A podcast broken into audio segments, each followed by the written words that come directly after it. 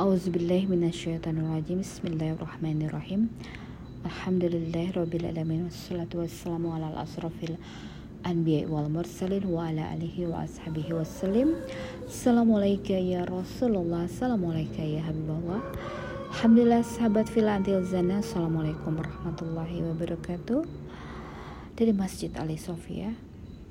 Setelah bada subuh Hari ini kita akan membahas lagi tentang masih di surat Al-Baqarah di ayat 239. Sebelumnya kita telah membahas tentang bagaimana pentingnya memelihara semua waktu sholat ya. Dan bagaimana memelihara waktu sholat ini berkaitan dengan hati ya. Bagaimana hati kita pandangan kita kita arahkan hanya kepadanya. Dan bagaimana setiap waktu ya yang memiliki keindahan yang berbeda-beda setiap waktu sholatnya mengandung makna yang tersimpan pada setiap waktu sholat yang sungguhlah berbeda-beda.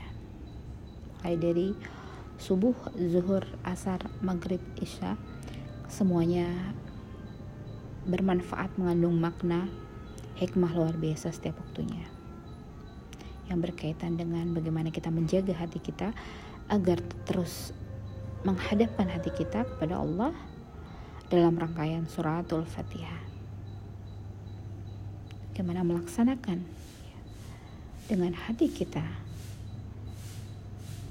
perintah sholat ini karena Allah dan dilakukan dengan khusyuk. Khusyuk ini berarti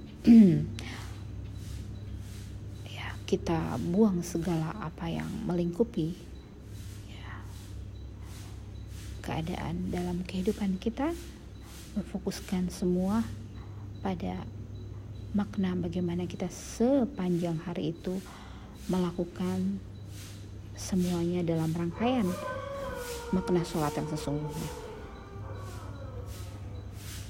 Yang di dalamnya ada permohonan ampun mengagungkan Allah tunduk patuh terhadap perintahnya, bersujud menyembah kepadanya, dan lain sebagainya.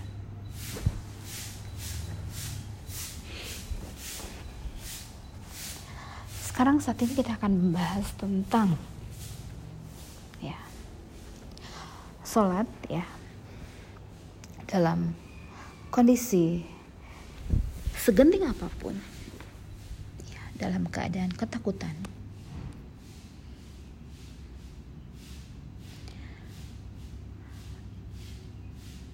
ada bahaya yang mengancam,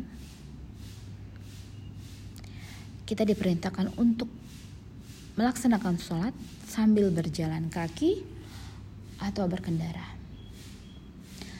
Hal ini dapat dipahami bahwa kita ya lakukan sholat dengan kondisi yang suci, ya, kemudian dengan berniat dan melakukan rangkaian sholat seperti halnya sholat biasa, hanya kita dalam posisi yang berjalan atau berkendara dengan menghadap sesuai dengan apa yang kita arah yang akan kita tuju. Bagaimana semua rangkaian sholat kita lakukan dengan berfokus kepada sholat yang tahapannya diatur dalam sahnya sholat mulai dari niat tahbiratul ihram membaca suratul fatihah sujud atau sorry ruku sujud duduk di antara dua sujud dan selanjutnya. Hanya dalam posisi yang kita sedang berjalan ataupun dengan ataupun kita sedang berkendara. Melakukannya tetap berfokus kepada jalan yang kita tuju, namun hati kita kita pautkan kepada rangkaian sholat yang tahapannya telah kita ketahui, seperti yang tadi disebutkan.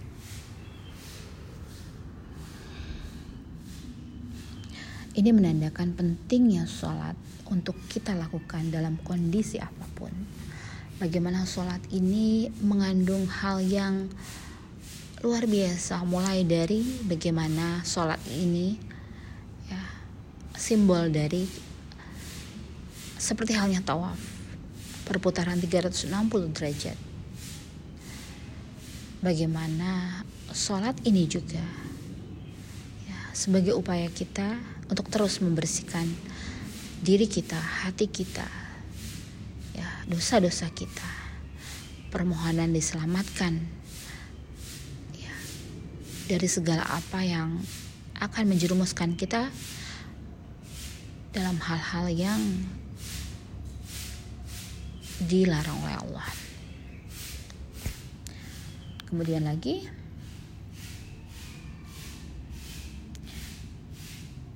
Kemudian apabila keadaan telah aman, maka ingatlah sholat, maka sholatlah. Setelah keadaan kembali aman, tidak ada lagi ancaman atau bahaya yang mengancam kita di kita diperintahkan untuk melakukan sholat ya secara yang sebenar-benarnya dengan menghadapkan diri kita ke kiblat berniat dan melakukan seluruh rangkaian sholat ya mulai dari uh, sahnya sholat ya dari mulai niat takbiratul ihram sampai dengan salam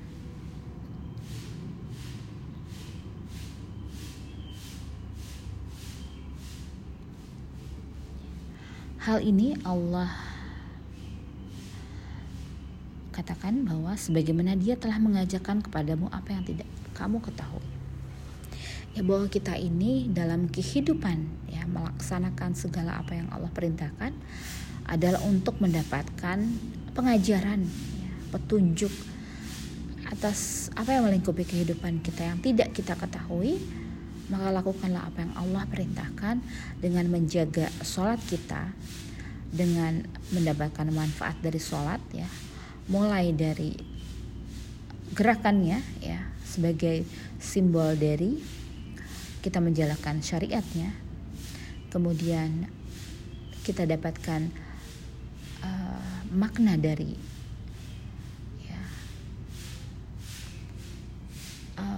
bagaimana sholat ini sebagai perwujudan dari doa-doa yang kita panjatkan kepada Allah.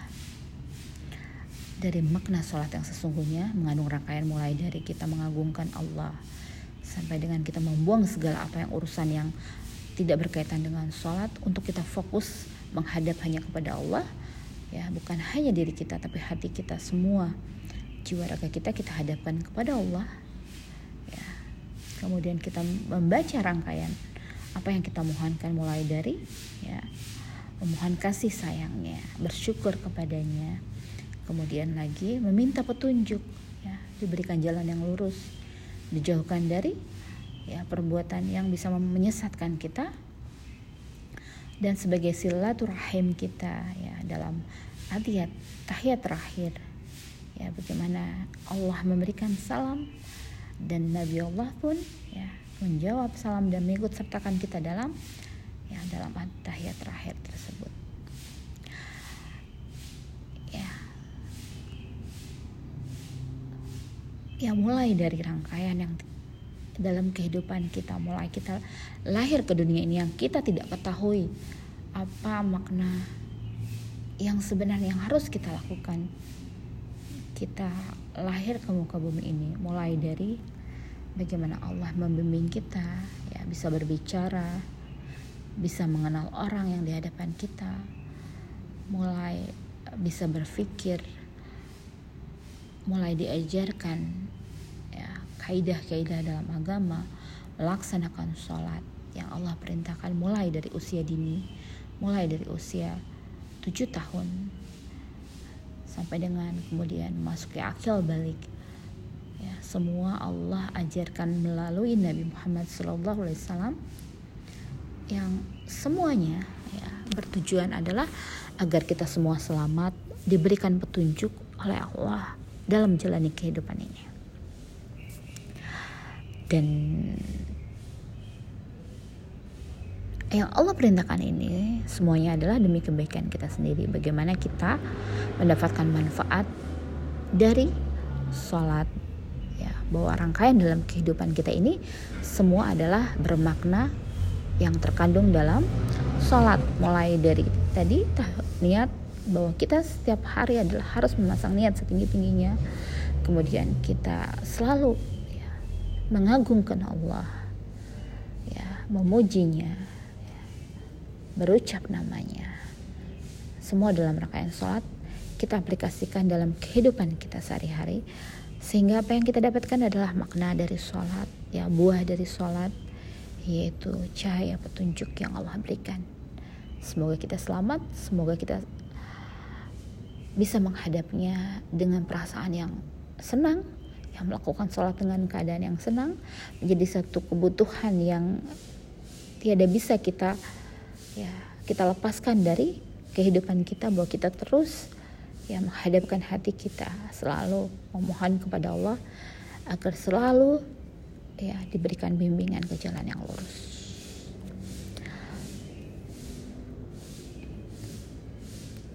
Ya, bagaimana sholat ini ya bukan hanya mengejar dari perintah zohirnya itu syariatnya tentang bagaimana gerakan sholat kita tunaikan dan bacaannya kita lafazkan namun lebih kepada sholat sebenarnya sholat bahwa hati kita semuanya masuk ke dalam rangkaian sholat yang sesungguh-sungguhnya. Ya bagaimana semua yang kita lakukan dalam kehidupan ini adalah sebagai cerminan atau buah dari makrifat dari sholat yang kita lakukan dengan hati kita dengan segenap jiwa raga kita ya dan kita paham bahwa makna sholat ini adalah semuanya adalah rangkaian untuk mendapatkan petunjuk dari Allah, untuk mendapatkan cahayanya, agar kita menjadikan orang-orang yang selamat ya di dunia dan di akhirat dalam keadaan senang melakukannya dan Allah ridhoi segala apa yang kita lakukan. Alhamdulillah, semoga kita semua mendapatkannya dari sebuah sholat pengajaran yang Allah beritahukan kepada kita. Ya jadikan diri kita memahami apa yang sebenarnya yang dimaksud dengan sholat ini. Ya sebuah rangkaian tak akan pernah putus yang terus menerus Subhana rabbika rabbi izzati amma yasifun wassalamun ala mursalin walhamdulillahi rabbil alamin. Wabillahi taufiq wal hidayah. Assalamualaikum warahmatullahi wabarakatuh